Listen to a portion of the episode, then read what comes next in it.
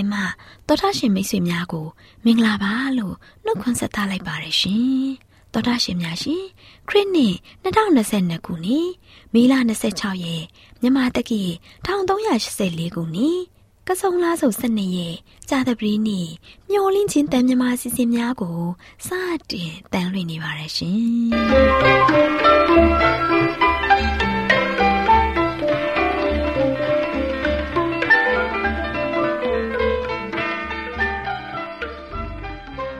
တော်တာရှင်များခင်ဗျာမျောလင်းချင်းအတန်မြန်မာအစီအစဉ်ကိုနက်နက်6နိုင်မိနစ်30မှ9နိုင်အထိ16မီတာ kHz တစ်ခွန်ခွန်23ညညပိုင်း9နိုင်မှ9နိုင်မိနစ်30အထိ25မီတာ kHz 11943ညမှအတန်လွှင့်ပေးနေပါတယ်ခင်ဗျာဒီကနေ့ကြာသပတေးနေ့မှာထုတ်လွှင့်ပေးမယ့်အစီအစဉ်တွေက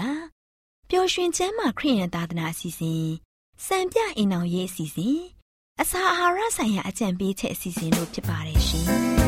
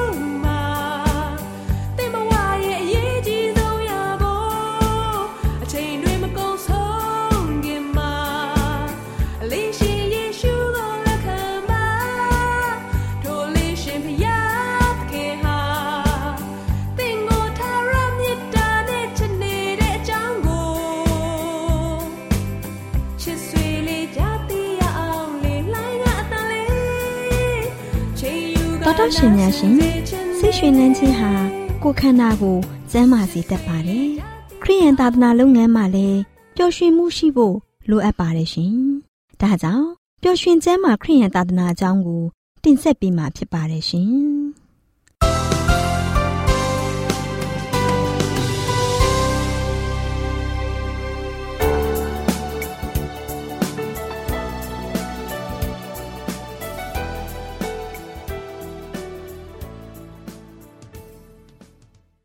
မင်္ဂလာပေါင်းနဲ့ပြည့်ဝနေတဲ့အခုလိုချိန်မှာတောတာရှင်များကို မင်္ဂလာပါလို့ဥစွာနှုတ်ခွန်းဆက်သလိုက်ပါတယ်ရှင်တောတာရှင်များရှင်ဝိညာဉ်တော်စာပေဆိုတာလူမျိုးတိုင်းအဆင့်တန်မရွေပဲကျမ်းမာရေးလူမှုရေးပညာရေးဘာသာရေးတိုးတက်မြင့်မားရေးအတွက်လမ်းညွန်သွန်သင်ပေးနိုင်တဲ့အမှုမြတ်ဆုံးစာပေလို့ပြောနိုင်ပါတယ်ဒါကြောင့်ပျော်ရွှင်ကျမ်းမာခရိယန်သာသနာဆိုတဲ့ဝိညာဉ်စာပေရဲ့လမ်းညွန်သွန်သင်ချက်ကို ကျမအနေနဲ့မုံငါးလုံးဖြင့်လူအုပ်ကြီးအားကျွေးခြင်းဆိုတဲ့အကြောင်းနဲ့ပတ်သက်ပြီးတင်ပြပေးမှာဖြစ်ပါတယ်ရှင်။သောတာရှင်များရှင်ပင်လေကမ်းခြေမှာတရားဟောတော်မူတဲ့သခင်ခရစ်တော်နဲ့တပည့်တော်တွေဟာတရားနာလူအုပ်ကြီးကို တိုးဝေလျက်ရှိပြီးရှင်းလင်းလွယ်ကူစွာ နားလည်နိုင်တဲ့ယေရှုခရစ်တော်ရဲ့တရားတော်ဟာသူတို့အဖို့ဂိလပြီမှပယုတ်စီလိုရင်ကိုငိမ့်စေခဲ့တဲ့ကိုတော်ရဲ့လက်တော်နဲ့ ဖျားနာတဲ့သူတွေဟာယောဂါတွေပျောက်ကင်းခဲ့ပါတယ်လူအုပ်ကြီးအဖို့အဲ့ဒီနေ့ဟာဒီလောကကြီးမှာထူထောင်ထားတဲ့ကောင်းကင်နိုင်ငံတော်လိုဖြစ်ပြီးမိမိတို့တစ်နေ့လုံးဘာမှမဆရသေးတာကိုတော့မှတတိမရတော့ပါဘူးနေလုံးကြီးဟာဝင်းလူဆဲဆဲဖြစ်ပေမဲ့လူအုပ်ကြီးဟာမပြန်သေးပါဘူးနောက်ဆုံးတော့တပည့်တော်တွေဟာကိုတော်ထံမှာချိကပ်ပြီးလူအုပ်ကြီးကိုပြန်ခိုင်းဖို့ရှောက်ထားကြပါတယ်တချို့သူတွေဟာ ဝေးလံတဲ့အရဒေတာများမှရောက်ရှိလာပြီးတနေ့ကုန်ဘာမှမစားရသေးပါဘူးဒါကြောင့်ပတ်ဝန်းကျင်မှာရှိတဲ့ရွာတွေမှာစားစရာရရှိဖို့ပြန်ခိုင်းကြပါတယ်ဒါပေမဲ့ယေရှုခရစ်တော်ကသူတို့စားစရာတင်တို့ပေးကြလော့ဆိုပြီးတော့မိန့်တော်မူတဲ့အခါမှာဖိလိပ္ပုကဒီလောက်ကြီးမားတဲ့လူအုပ်ကြီးကိုကြည့်ပြီးအစာကျွေးဖို့မဖြစ်နိုင်တာကိုတွေးတောလျက်ရှိပြီးဒီလူတို့ကိုမှုတ်တစ်ဖက်စီစေအောင်ဒေနာရိအပြား200ဘိုးထိုက်တဲ့ မုံမလောက်ပါဘူးလို့ပြန်ပြီးတော့ရှောက်တယ်ယေရှုခရစ်တော်ကလည်းဒီလူအုပ်ကြီးမှာမုံဘလောက်ရှိတာကိုမေးမြန်းတဲ့အခါမှာအန်ဒရေအမည်ရှိတဲ့တပည့်တော်ကမုံငါးလုံးနဲ့ငါးကလေးနှစ်ကောင်ပါတဲ့လူငယ်တယောက်ရှိပါတယ်ဒါပေမဲ့လည်းဒီလောက်များတဲ့လူတို့ဟာအဲ့ဒီမုံငါးလုံးနဲ့ငါးနှစ်ကောင်ကိုဘယ်လိုလောက်မှလဲလို့ပြန်ပြီးလျှောက်တယ်ယေရှုခရစ်တော်ကဒီမုံတွေကိုယူစေပြီးတပည့်တော်တွေကိုလူအုပ်ကြီးကိုမျက်ခင်းပြင်မှာ အဆုလိုက်နေရာချစေပါတယ်။နောက်ပြီးယေရှုရှင်ဟာမုံကိုယူပြီးတော့ကောင်းကင်ဘုံကိုမျှော်ကြည့်တယ်။မုံအပေါ်ကိုကောင်းကြီးသက်ရောက်စေပြီးမုံကိုဖဲ့တယ်။တပည့်တော်တွေကိုပေးပြီးတော့တပည့်တော်တွေကနေတဆင့်လူအုပ်ကြီးကိုဝေပေးကြတယ်။လူအုပ်ကြီးဟာလည်းဝဝလင်းလင်းစားကြပြီးမုံအကျိုးအပဲ့12တောင်းကိုကောက်သိမ်းနိုင်ခဲ့ပါတယ်။ယေရှုခရစ်တော်ဟာမိမိရဲ့တကိုးတော်နဲ့အဲ့ဒီလောက်အော့ဖွင့်မှုကို ပြုတ်ပြီးတော့လူအုပ်ကြီးကိုအစာကျွေးခဲ့ပါတယ်။ဒါပေမဲ့အင်ပတမရိုးစင်းတဲ့ဂါလိလဲပြည်သားတငါသည်တွေရဲ့နေ့စဉ်အစားအစာကိုသာစားစေခဲ့ပါတယ်။သခင်ခရစ်တော်ဟာတထေးတချွဲတွေရဲ့အစားအစာတွေနဲ့အဲ့ဒီလူအုပ်ရဲ့တဏှာလောဘကိုဖြစ်စည်းဖို့ဖန်ဆင်းတော်မူနိုင်ပေမဲ့ဒီအံ့ဘွယ်အမှုပြုခြင်းဖြင့်ရိုးသားစွာနေထိုင်မှုသင်ခန်းစာကို ပြတော်မူခဲ့ပါတယ်။ဒီနေ့လူသားတွေဟာရိုးသားစွာနဲ့တဘာဝတရားနဲ့အညီ အာဒံနဲ့အေးဝလိုနေထိုင်ကြမယ်ဆိုရင် လူသားတရက်လုံးရဲ့လိုအပ်ချက်တွေအတွက်အလုံးအလောက်ရှိနိုင်ပါတယ်။ဒါပေမဲ့လည်းအစာကျူးပြီးတကူကောင်းဆန်တဲ့ကြင်ကြံမှုတွေကြောင့်တချို့လူတွေမှာများစွာပိုရှံပြီးတချို့လူတွေကြတော့ချို့တက်တယ်။အပြစ်ကျူးလွန်ခြင်းနဲ့ဝမ်းနည်းပူဆွေးခြင်းတွေဒီနေ့တိုင်တိုးပွားလျက်ရှိပါတယ်။လောကစည်းစိမ်တတ်မဲ့တဲ့လောဘစိတ်ကို ဖြစ်စည်းပေးခြင်းဖြင့်ယေရှုရှင်ဟာ လူတွေကိုမိမိထံကိုဆွဲဆောင်ခြင်းမရှိခဲ့ပါဘူး။တနေ့တာရဲ့စိတ်လှုပ်ရှားမှုတွေပင်ပန်းမှုတွေနဲ့နွမ်းနယ်လျက်ရှိတဲ့လူအုပ်ကြီးရဲ့အခြေခံလိုအပ်ချက်ကိုဖြစ်စည်းပေးတော်မူပြီးမိမိရဲ့ဘုံတကိုးနဲ့မေတ္တာတော်ကိုကိုရောဟာတက်တည်ပြတော်မူခဲ့ပါတယ်။လူအုပ်ကြီးကိုအစာကျွေးပြီးတဲ့အခါမှာပိုရှန်တဲ့အစားအစာတွေကိုဘာမှမပြောက်စေဖို့ကြံကျွေးတဲ့အကျိုးပဲ့တွေကိုကောက်သိမ်းစေခဲ့တယ်။မိမိတို့အတွက်ဒီလောကမှာရှိမဲ့ဘယ်အရာကိုမှ ဆုံးရှုံးခြင်းမရှိစေဘဲလူသားတွေရဲ့အကျိုးကိုကျမတို့လစ်လူရှုခြင်းမရှိစေရပါဘူးဒီလောကမှာ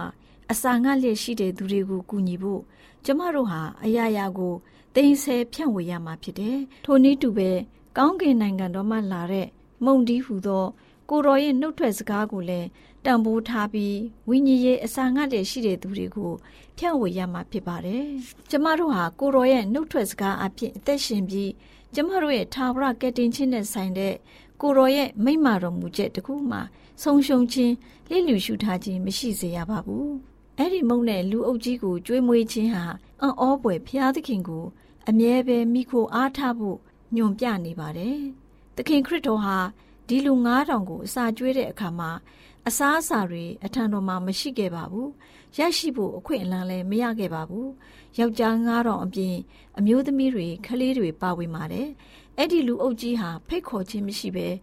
ကိုရောရှိတဲ့နေရာမှာစုဝေးကြပြီးခရိယန်တရားတွေကိုတနေကုန်ကြားနာပြီးတဲ့အခါမှာအစာငတ်လျက်ရှိတဲ့ပေမန်းနေကြတဲ့အကြောင်းကိုကိုရောဟာသိမြင်တော်မူပါတယ်။နေဆောင်ပြီးရှိတဲ့အချိန်မှာအိမ်ကနေ ဝေးလံစွာလာတဲ့လူအမြောက်အများဟာအစားအစာတွေကိုဝယ်စားဖို့ငွေမရှိကြပါဘူး။ဒါကိုယေရှုရှင်ဟာတည်တော်မူပြီးရက်ပေါင်း40မြတောအရမှာဒီလူတွေအတွက်အစာရှောင်ခဲ့တဲ့သခင်ဟာဒီလူအုပ်ကြီးတွေကိုအစာမစားရဘဲအိမ်ကိုပြန်ဖို့အလိုမရှိခဲ့ပါဘူး။ဖခမီးတော်ရဲ့အလိုတော်ကိုသိဖို့အဲ့ဒီအခြေအနေမှာရင်ဆိုင်နေရတဲ့အတွက်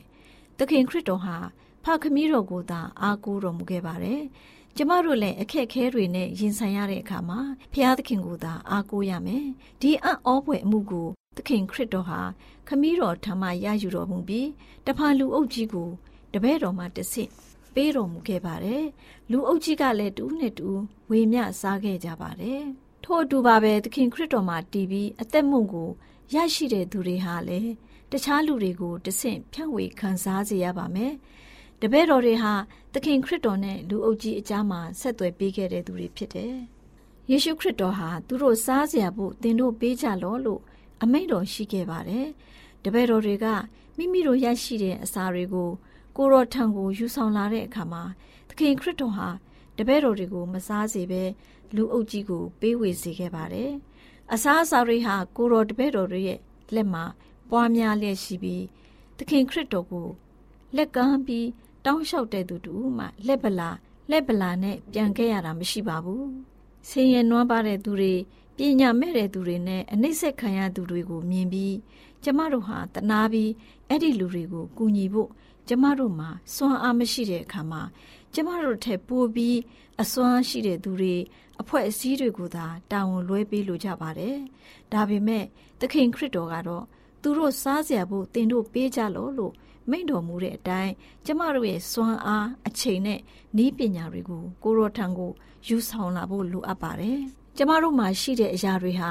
လူထောင်ပေါင်းများစွာကိုကျွေးမွေးဖို့မလုံလောက်ပေမဲ့ လူတဦးအတွက်လုံလောက်နိုင်ပါတယ်။ဒါပေမဲ့သခင်ခရစ်တော်ရဲ့လက်တော်ကိုအနံလိုက်မယ်ဆိုရင်လူအမြောက်အများအတွက်လုံလောက်နိုင်ပါတယ်။တပည့်တော်တွေနီးတူကျမတို့မှာရှိတဲ့အရာတွေကိုသခင်ခရစ်တော်၌အနံလိုက်မယ်ဆိုရင်ကိုတော်ဟာပွားများစေတော်မူပါလိမ့်မယ်။ကိုတော်ကိုမှီခိုတဲ့သူတွေဟာကိုတော်ရဲ့ဂုဏ်ပြုခြင်းကိုခံရလိမ့်မယ်။ ကျမတို့ပေးတဲ့အရာတွေဟာလည်းပဲကြီးစွာသော စာပွဲကြီးဖြစ်ပါလိမ့်မယ်။အနှဲငယ်သောမျိုးစေ့ကိုကျဲသောသူသည်စပါးအနှဲငယ်သာရိပ်ရလိမ့်မည်။များစွာကျဲသောသူသည်များစွာရိပ်ရမည်လို့မှတ်ကြပါ။ကိုတော်ရဲ့ကျေးဇူးတော်ဟာကျမတို့အတွက်အလွန်လောက်ရှိပါတယ်။သောတာရှင်များရှင်မုံငါလုံးနဲ့လူအုပ်ကြီးကိုကျွေးမွေးခြင်းဆိုတဲ့အကြောင်းကိုကြားနာသိရှိရခြင်းဖြင့်တော်တတ်ရှင်များကိုဘုရားသခင်ကောင်းကြီးပေးပြီး ဝိညာဉ်ခွန်အားရရှိနိုင်ကြပါစေလို့ဆုတောင်းမေတ္တာပို့သလိုက်ပါရှင်။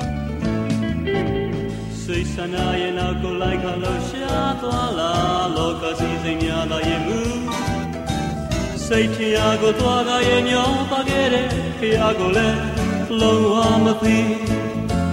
လောဘဒေါသမောဟများစွာစိတ်ထဲထားကအထစိတ်နဲ့သရှင်လာခဲ့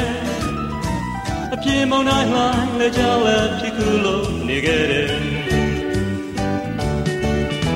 ဘုံကမျိုးမိကိုတို့မိုင်းတဲ့ခြင်းများကိုတင်နိုင်သောလုံးလို့နေတယ်ဒါပေမဲ့နောက်ဆုံးတော့ခြေခွဲခြင်းနဲ့သာတွေ့ခဲ့ရ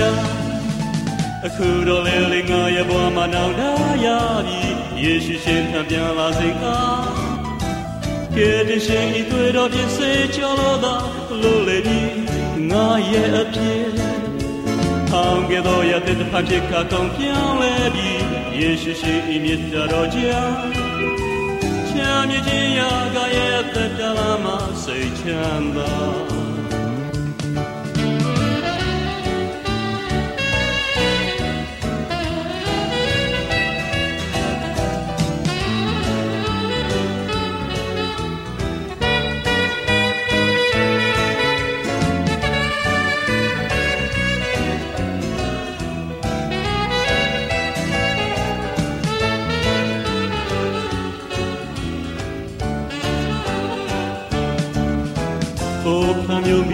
တို့မိုင်းမဲခြင်းများကိုထင်တိုင်းအလုံးလို့နေတယ်ဒါပေမဲ့နောက်ဆုံးတော့ချေခွင့်ခြင်းနဲ့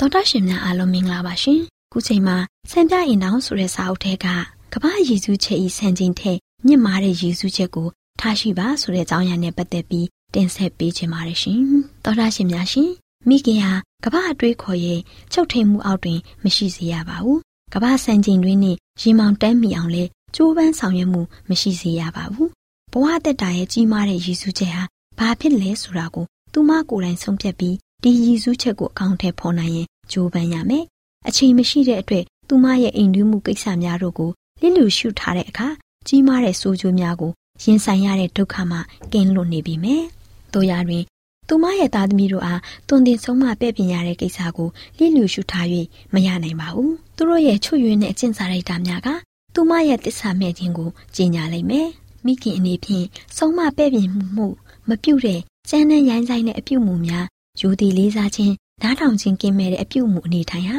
မိခင်ရဲ့ဂုဏ်ကိုထိခိုက်ပြီးမိခင်ရဲ့ဘဝအသက်တာကိုခါသီးစေလိမ့်မယ်။မိခင်တို့တင်းတို့သားသမီးများရဲ့ကံကြမ္မာဟာ တင်းတို့ရဲ့လက်ထဲမှာအများဆုံးဖြစ်ပါတယ်။တင်းတို့ရဲ့တာဝန်ကိုဆောင်ရွက်ရမှာပြက်ကွက်မယ်ဆိုရင်သူတို့ကိုစာရန်ရဲ့လက်ထဲသို့အနံလိုက်တဲ့အတွက်အခြားသောသူတို့ရဲ့ဝိညာဉ်များကိုဖျက်ဆီးရန်အတွက်စာရန်ဟာတင်းတို့ရဲ့သားသမီးများကိုသူ့ကိုယ်စားလှယ်အနေဖြင့်အသုံးပြုလိမ့်မယ်။ဒါမှမဟုတ်တင်းတို့ရဲ့တစ္ဆာရှိစွာစီကံတကြနေထိုင်မှုနဲ့ကောင်းသောပုံသက်တည်ပြမှုကြောင့်သူတို့ဟာခရစ်တော်ထံသို့ချဉ်ကပ်ကြပြီးသူတို့ကတဖန်တခြားသူတို့အားပြုပြင်ပေးခြင်းအပြင် တင်းတို့မှတဆင်ဝိညာဉ်အများတို့ဟာကယ်တင်ခြင်းသို့ရောက်ရှိလိမ့်မယ်။နားဆင်ခဲ့ကြတဲ့သောတာရှင်များအားလုံးပေါ်ဖဖျားရှင်ကောင်းကြီးပေးပါစေရှင်။သောတာရှင်များအားလုံးမင်္ဂလာပါရှင်။အခုချိန်မှာစံပြအင်အောင်ဆိုတဲ့စာအုပ်ထဲကအကောင်းကိုမြေတောင်မြောက်ပေးပါအဆိုးကိုနှိပ်ကွပ်ပါဆိုတဲ့အကြောင်းအရာနဲ့ပတ်သက်ပြီးတင်ဆက်ပေးခြင်းပါတယ်ရှင်။သောတာရှင်များရှင်မိဘတို့ဟာသူတို့ရဲ့သားသမီးတို့အားကိုရောရှင်ရဲ့မေတ္တာတော်နဲ့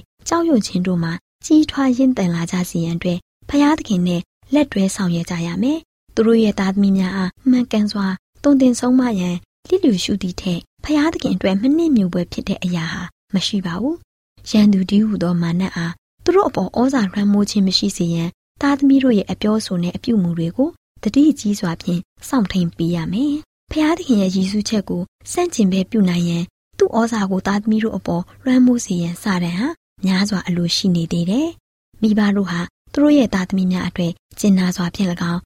စိတ်ဝင်စားစွာဖြင့်၎င်းယူရသိမ်မွေ့စွာဖြင့်၎င်းလောက်ကင်ဆောင်ရွက်၍ကောင်းတဲ့အပြုမူအလောက်ကင်ဟုသမျှကိုလောက်ကင်ဆောင်ရွက်စေရန်မကောင်းမှုဒုစရိုက်ဟုသမျှဟာသူတို့အကျင့်စာရိတ္တရဲ့တစိမ့်တသေးတာဖြစ်မလာစေရန်နှိတ်ကိုပေးရမယ်။စိတ်ကြည်နက်စွာဆောင်ရွက်ပြီးတဲ့လုပ်ငန်းအတွက်ဝမ်းမြောက်ရှင်လန်းရမယ်။သားသမီးများဟာဖျားတင်ချက်မှတ်ပေးတော်မူတဲ့အမွေစားအမွေခံများဖြစ်ပြီးကိုရရှင်ပိုင်တော်မူတဲ့ ဒီယတနာလေးတွေကိုကျွန်ုပ်တို့ကုတ်ကဲထိန်သိမ်းဆောက်ရှောက်ရမှုအတွက်ကိုရရှင်နဲ့စိတ်ရင်းရှင်းကြရမှာဖြစ်တယ်။သားသမီးတို့အားတပည့်တော်တပည့်တော်မများဖြစ်လာစေရန်တွင်တင်ဆုံးမဩဝါဒပေးခြင်းဟာမိဘများအနေဖြင့်ဖျားသခင်အတွက်အဆင့်အမြင့်ဆုံးဆောင်ရွက်ပေးနိုင်တဲ့လုပ်ငန်းဖြစ်တယ်။ဒီလုပ်ငန်းကိုထမ်းဆောင်တဲ့အခါမှာတီးခံသောစိတ်ဖြင့်၎င်းတတိဝရိယရှိရှိဖြင့်၎င်းအားစိုးမှန်တဲ့ရှိရှိဖြင့်၎င်း တသက်ပတ်လုံးဆောင်ရွက်ရမယ်။ဒီယုံကြည်ရာလွှဲအပ်ထားတဲ့လုပ်ငန်းကိုလိလူရှုလင်ကျွန်ုပ်တို့ဟာတစ္ဆာမဲ့တဲ့ဗန္နာဆိုးများဖြစ်နေကြလိမ့်မယ်။ကျွန်ုပ်တို့အားဖျားတင်ထာဝရဘုရားပေးသနာတော်မူခဲ့တဲ့သားသမီးများကိုကြည်ပါလော့ဟူ၍မိဘများကဖျားသခင်ထံဝမ်းမြောက်ဝမ်းသာစွာဖြင့်ရှောက်ထားပြောဆိုနိုင်သည့်တိုင်အောင်သူတို့ရဲ့သားသမီးများအတွက်သူတို့ဟာမေတ္တာဖြင့်၎င်းယုံကြည်ခြင်းအပြင်၎င်းဆုတောင်းခြင်းအပြင်၎င်းလှုပ်ဆောင်ကြရမှာပါတယ်။နားဆင်ကြတဲ့ တော်တရှင်များအားလုံးပေါ်ဖဖျားရှင်ကောင်းကြီးပေးပါစီရှင်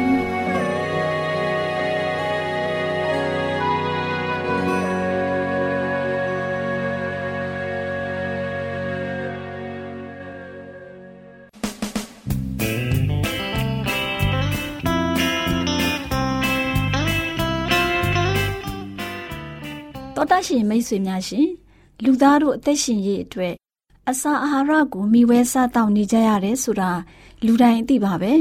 ဒီလိုမိဝဲစားတောက်ကြတဲ့အခါစားတောက်မှုမမှန်ကန်တာတွေစားသောက်မှုအချိန်မတော်တာတွေကြောင့်ကျန်းမာရေးထိခိုက်လာလို့ယောဂဗျာတွေတိုးပွားပြီးဒုက္ခဝေဒနာတွေခံစားကြရတာပေါ့ဒါကြောင့်အစာအာဟာရတွေကိုကျန်းမာရေးနဲ့ညီညွတ်အောင်ဘယ်လိုစားသောက်သင့်တယ်လဲဆိုတာသိရှိဖို့အတွက်ကျမတို့မျှဝင့်ခြင်းအတမထုတ်လွှင့်ပေးမယ် အစာအာဟာရဆိုင်ရာအကြံပေးချက်တွေကိုလေ့လာမှတ်သားကြရအောင်နော်သောတာရှင်များရှင်ဒီနေ့ကျမ်းမာရေးဆိုင်ရာအကြံပေးချက်ကဏ္ဍမှာစီလုံးညီညွတ်သောရှေ့တန်းဆိုတဲ့ခေါင်းစဉ်နဲ့ပတ်သက်ပြီးတင်ပြပေးမှာဖြစ်ပါတယ်ရှင်သောတာရှင်များရှင်ကျမ်းမာခြင်းပြုပြင်ပြောင်းလဲရေးအမှုတော်ကြီးကိုတိုးတက်ဖွံ့ဖြိုးအောင်လှုပ်ဆောင်ဖို့ကျမတို့ကိုတာဝန်ပေးထားပါတယ်ဖျားသခင်ဟာ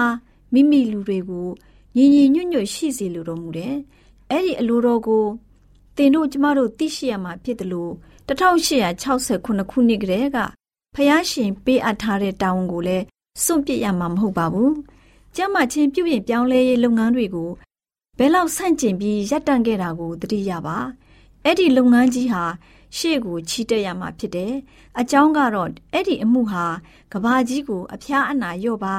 ဖြူစင်တန့်ရှင်းစေတဲ့ဖျားသခင်ရဲ့နီလန်ဖြစ်တဲ့အတွက်ကြောင့်ဖြစ်တယ်။ အချင်းချင်းကွဲပြားခြားနားအောင်လှုပ်ဆောင်နေသူတူဖြစ်မှာဆိုတဲ့အတွက်တင်ရဲ့သဘောထားကိုဂရုစိုက်ရမှာဖြစ်တယ်။ကျမရေးစီးမြင်တွေကိုလိုက်လျှောက်ခြင်းအပြင်ရရှိမဲ့ကောင်းကြီးမင်္ဂလာတွေကိုတင်တို့ရဲ့မိသားစုထံကိုတည်ယူဆောင်လာဖို့ပြက်ကွက်နေတဲ့အချိန်မှာဒီကိစ္စနဲ့ပတ်သက်ပြီးဖျားသခင်ပေးတော်မူတဲ့အလင်းတရားကိုဆန့်ကျင်ခြင်းအပြင်လူအများကိုမထိခိုက်ပါစေနဲ့။ထာဝရဘုရားသခင်ဟာကျမ်းမာရေးပြုပြင်ပြောင်းလဲရေးဆိုင်ရာသတင်းစကားတွေကို မိမိလူတွေကိုပေးတော်မူပါတယ်။အဲ့ဒီအလင်းတော်ဟာလန်ခီပေါ်မှာ1882ခုနှစ်ကတည်းက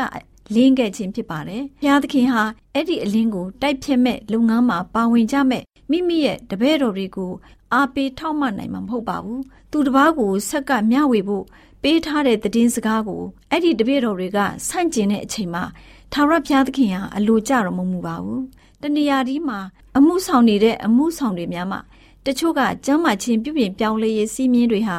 ကောင်းကင်တမန်သုံးပါးသတင်းစကားရဲ့အစိတ်ပိုင်းဖြစ်ကြောင်းဟောကြားနေတဲ့အချိန်မှာတချို့အမှုဆောင်တွေကတော့အဲ့ဒီစီးမြင်ကိုလုံးလုံးကြီးဆန့်ကျင်ဟောကြားနေတဲ့အခါဖះရှင်ဟာအလိုတော်ကြနိုင်ပါမလားဒီလောက်ရကိုဖះသခင်ရဲ့ရှေ့မှောက်မှာအပြစ်တစ်ခုလိုမယူတော်မူပါတယ်စိတ်တကိုးရှိပြီးတော့မိမိတို့ရဲ့ယုံကြည်ခြင်းအကြောင်းကိုနားလည်ပေမဲ့ ကိုကျင့်တရားဆိုင်ရာတာဝန်ရှိမှုမှာ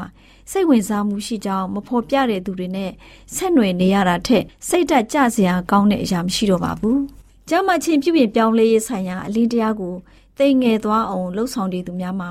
ထိခိုက်နှိမ့်နာမှုမရှိဘဲအဲ့ဒီအလင်းတရားကိုအသေးဖွဲတစ်ခုလို့ဖြစ်အောင်လှုပ်ဆောင်ခြင်းမစွမ်းနိုင်ပါဘူး။ဘုရားသခင်ပေးတော်မူတဲ့အဲ့ဒီအလင်းတရားကိုစန့်ကျင်လှုပ်ဆောင်တဲ့သူတွေဟာဘုရားသခင်ရဲ့အမှုတော်မြတ်မှာ အောင်မြင်ရလိမ့်မှာမဟုတ်ပါဘူးတရားဟောဆရာတွေဟာချုပ်တီးချိုးချံတဲ့အသက်တာနဲ့နေထိုင်ခြင်းအကြောင်းကိုအရေးထားဟောကြားရမှာဖြစ်ပါတယ်။စားတောက်ခြင်း၊လုပ်ကင်ခြင်း၊ဝတ်စားခြင်းနဲ့နားနေခြင်းဟာ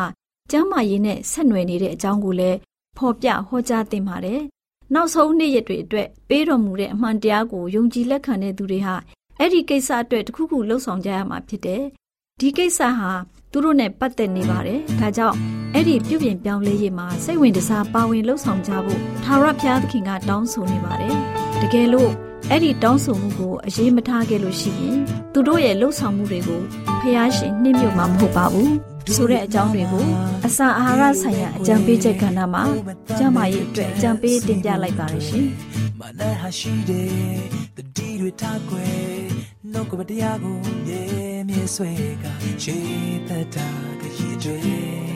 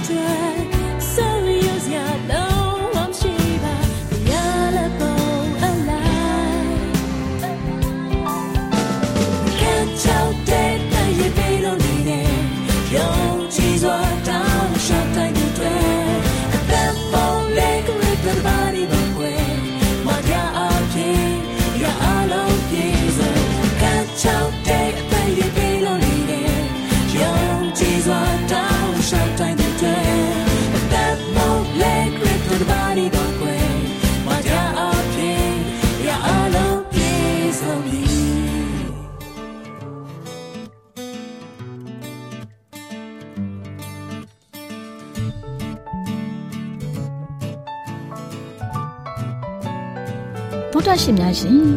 ကျမတို့ရဲ့ဓာတ်ရိတ်တော်စပေးစာယူတင်နန်းဌာနမှာအောက်ပါတင်ဒားများကိုပို့ချပေးလျက်ရှိပါတယ်ရှင်တင်ဒားများမှာဆိဒ္ဓတုခရှာဖွေခြင်းခရစ်တော်၏အသက်တာနှင့်တုန်တင်ကြများတဘာဝတရားဤဆရာဝန်ရှိပါကျမ်းမာခြင်းနှင့်အသက်ရှိခြင်းသင်နှင့်တင့်ကြမာရေးရှားဖွေတွေ့ရှိခြင်းလမ်းညွန်သင်ခန်းစာများဖြစ်ပါရဲ့ရှင်။သင်တန်းအလုံးဟာအခမဲ့သင်တန်းတွေဖြစ်ပါတယ်။ဖြစ်ဆိုပြီးတဲ့သူတိုင်းကို ဂုံပြုလွှာချီးမြှင့်ပေးမှာဖြစ်ပါရဲ့ရှင်။တော်တာရှင်များခင်ဗျာဓာတိတော်အတန်းစာပေးစာယူဌာနကိုဆက်သွယ်ခြင်းနဲ့ဆိုရင်တော့ဆက်သွယ်ရမယ့်ဖုန်းနံပါတ်ကတော့39 656 296 336နဲ့39 998 316 694ကိုဆက်သွင်းနိုင်ပါတယ်။ဒါ့အပြင်တော့အတန်းစာပေးစာဥထာဏာကိုအီးမေးလ်နဲ့ ဆက်သွယ်ခြင်းနဲ့ဆိုရင်တော့ l a l r a w n g b a w l a @gmail.com ကိုဆက်သွင်းနိုင်ပါတယ်။ဒါ့အပြင်တော့အတန်းစာပေးစာဥထာဏာကို Facebook နဲ့ဆက်သွယ်ခြင်းနဲ့ဆိုရင်တော့ s o e s a n d a r Facebook အကောင့်မှာဆက်သွင်းနိုင်ပါတယ်။ AWR မျော်လင့်ခြင်းတန်ကိုအားပေးနေတယ်တော်တာရှင်များရှင်မျော်လင့်ခြင်းတန်မှာအကြောင်းအရာတွေကိုပုံမသိရှိပြီးဖုန်းနဲ့ဆက်သွယ်လိုပါက 39ကို2939 3926ခွန်45နောက်ထပ်ဖုန်းတစ်လုံးအနေနဲ့39ကို688 464 48ခွန်ကိုဆက်သွယ်နိုင်ပါတယ်ရှင်